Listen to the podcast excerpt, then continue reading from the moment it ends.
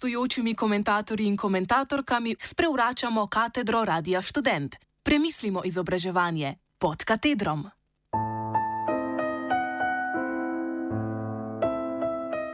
Non sento, non vido, non parlo.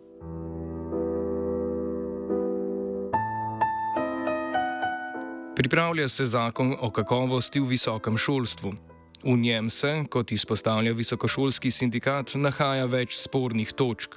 Spreminja postopke akreditacije, vrste in rabo informacij, ki se zbirajo in objavljajo, in tako naprej. Med drugim, in na to se osredotočam danes, zakon na več mestih predvideva uporabo zaposljivosti diplomantov kot kriterij določanja upisnih mest in kot informacijo, ki naj bi se shranjevala in javno objavljala.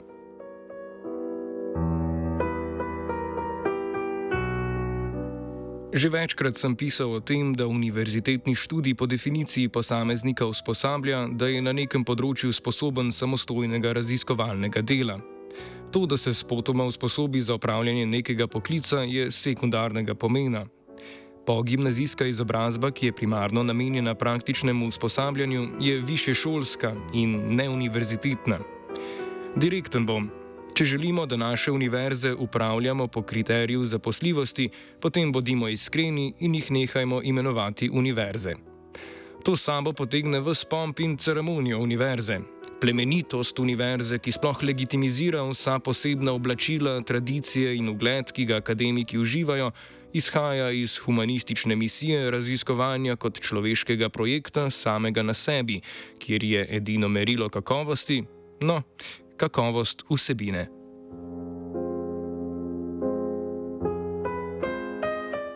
Da gre pri tem za napad na družboslovje in humanistiko, je očitno.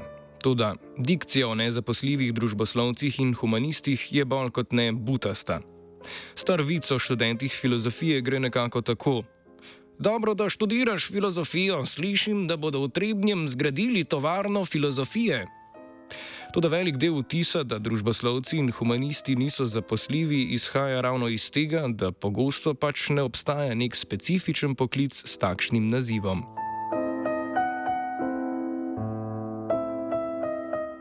Toda to ne pomeni, da so nezaposljivi, niti ne pomeni, da nimajo veščin, ki bi jim na trgu dela pomagale. Veliko zaposlitev v bistvu sploh ni namenjenih specifični izobrazbi in terja stopnjo samo zato, ker dokončana univerza pomeni izkaz neke delovne etike in obenem neke terciarne ali kvartarne socializacije. Dokaz, da niso nezaposljivi, je ravno obstoj malega morja zasebnih družboslovnih in humanističnih fakultet, ki so že na prvi pogled po kvaliteti občutno slabše od recimo Univerze v Ljubljani, pa vseeno imajo študente, ki pogosto plačujejo študij, študirajo ob delu in podobno.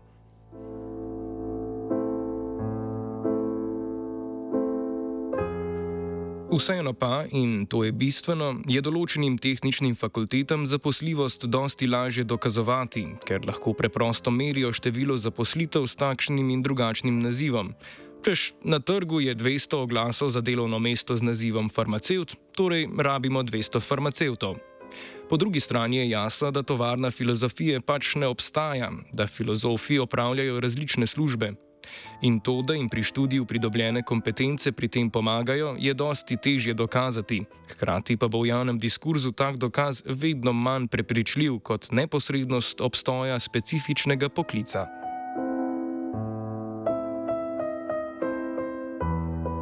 Da ne bo pomote, ta neoliberalni diskurz o zaposljivosti škodi tudi naravoslovno-tehničnim fakultetam, Kolikor bo krčenje sredstev družboslovju in humanistiki v najslabšem primeru vodilo do ukinjanja kateder, programov, zmanjševanja upisnih mest in podobnega, bo sprememba na tehničnih fakultetah manj očitna in se že dogaja.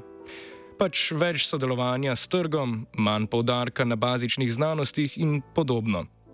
Tudi o tem sem že govoril. Bolj pomembno je drugo vprašanje: kako naj se družboslovje in humanistika upreta temu puču?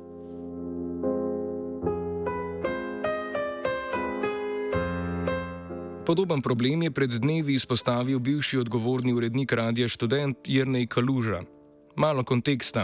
Prvič, Žižek in Varofaki sta imela stream, za katerega je bilo treba kupiti vstopnico. Drugič, pravnica in solastnica pritličja Barbara Reigel je v javnost plasirala kritiko tovrstnih, kot jih je označila sama, plačljivih levičarskih maš. Tretjič, Kaluža je v odgovor opozoril na bedo akademske humanistike in verjetno tudi družbenih ved nasploh, čež kritična misel ni bila sposobna sproducirati institucionalnih pogojev za razvoj misli. Kader je, tudi kvaliteten je, vendar ni povsem očitno, kaj naj ta kader počne.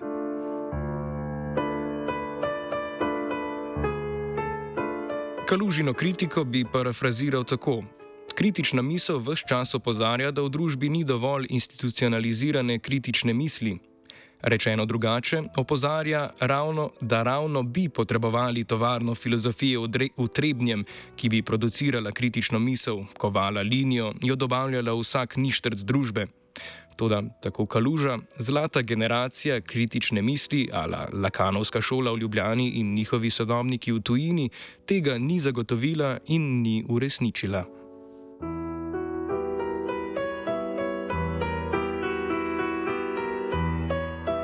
Tukaj ne gre samo za neposredne zaposlitve.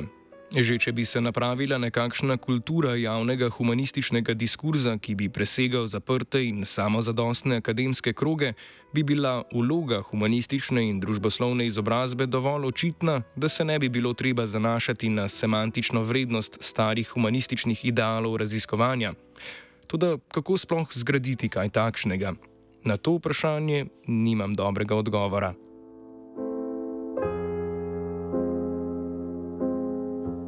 Če poskušam ugibati, bi rekel tako. Verjetno bi prvič potrebovali institucionalne pogoje gradnje nekakšne nove kulture humanističnega in družboslovnega občevanja. To bi lahko pomenilo ustvarjanje platform za deljenje znanstvenih in strokovnih dosežkov, izsekavanje stečin za intervencije v druge sfere in še kaj. Verjetno bi morali, da to dosežemo, akademsko družboslovno in humanistično skupnost, pa tudi sicer obstoječo intelektualno skupnost, odpreti. Preveč je gatekeeperjev, preveč je snobističnega krožnega onaniranja. Verjetno bi tudi splošno javnost morali bolje izobraziti. Pouk filozofije in sociologije in drugi družboslovni ali humanistični predmeti so v srednjih šolah pogosto zapostavljeni, so pač tisti enoletni dodatek, blow off.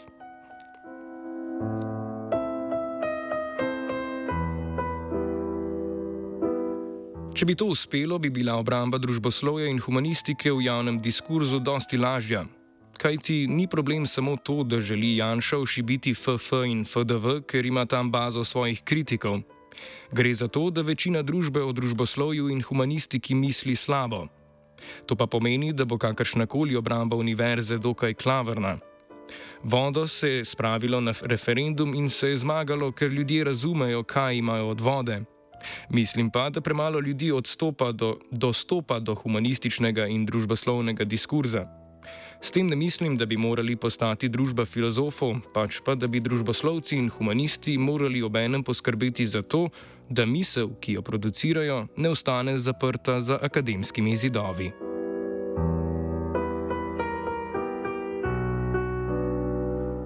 Misel, da sta družboslovje in humanistika neuporabni, je turobna. Področji sta bolj uporabni od katerekoli tehnične ali naravoslovne stroke. Preizpraševanje družbene formacije, preizpraševanje smotra človekovega delovanja v posamezni aktivnosti ali pa sploh je pogoj za realizacijo veliko idealov, ki jih jemljemo za samoumevne.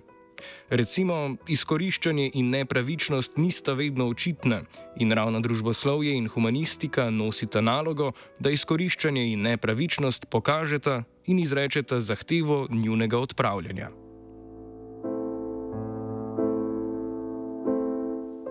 Verjetno v Trebnjem ne bomo nikoli postavili tovarne filozofije, tudi filozofi in sociologi bodo vseeno imeli službe. A uspelo bi lahko tudi več. Humanistika in družboslovje imata veliko pomembnejšo vlogo, ki je v neoliberalizmu ne moreta upravljati najbolje, ker sploh ne prideta do besede. Na njunem mestu stojijo razne ideološke formulacije, zamaskirane v zdrav razum in podobno. In ravno demistifikacija teh formulacij je naloga družboslovja in humanistike. Ta naloga je neločljiva od izobraževanja družbe.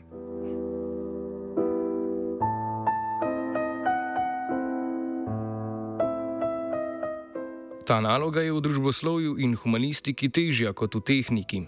Ne obstaja nikakršen tržni interes razsvetljevanja množic, kvečemu se bo neoliberalna država proti temu borila.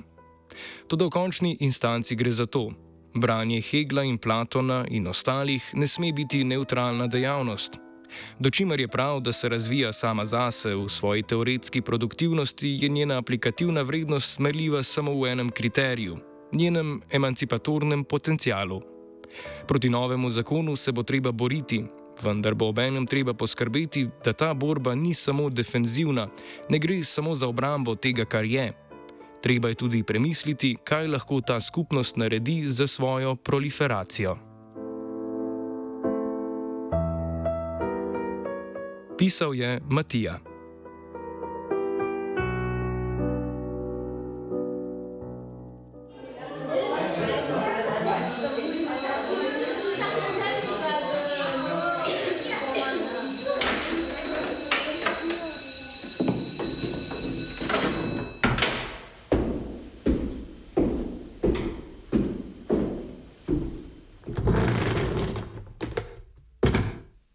Gostujočimi komentatorji in komentatorkami sprevračamo katedro Radia Student. Premislimo izobraževanje pod katedrom.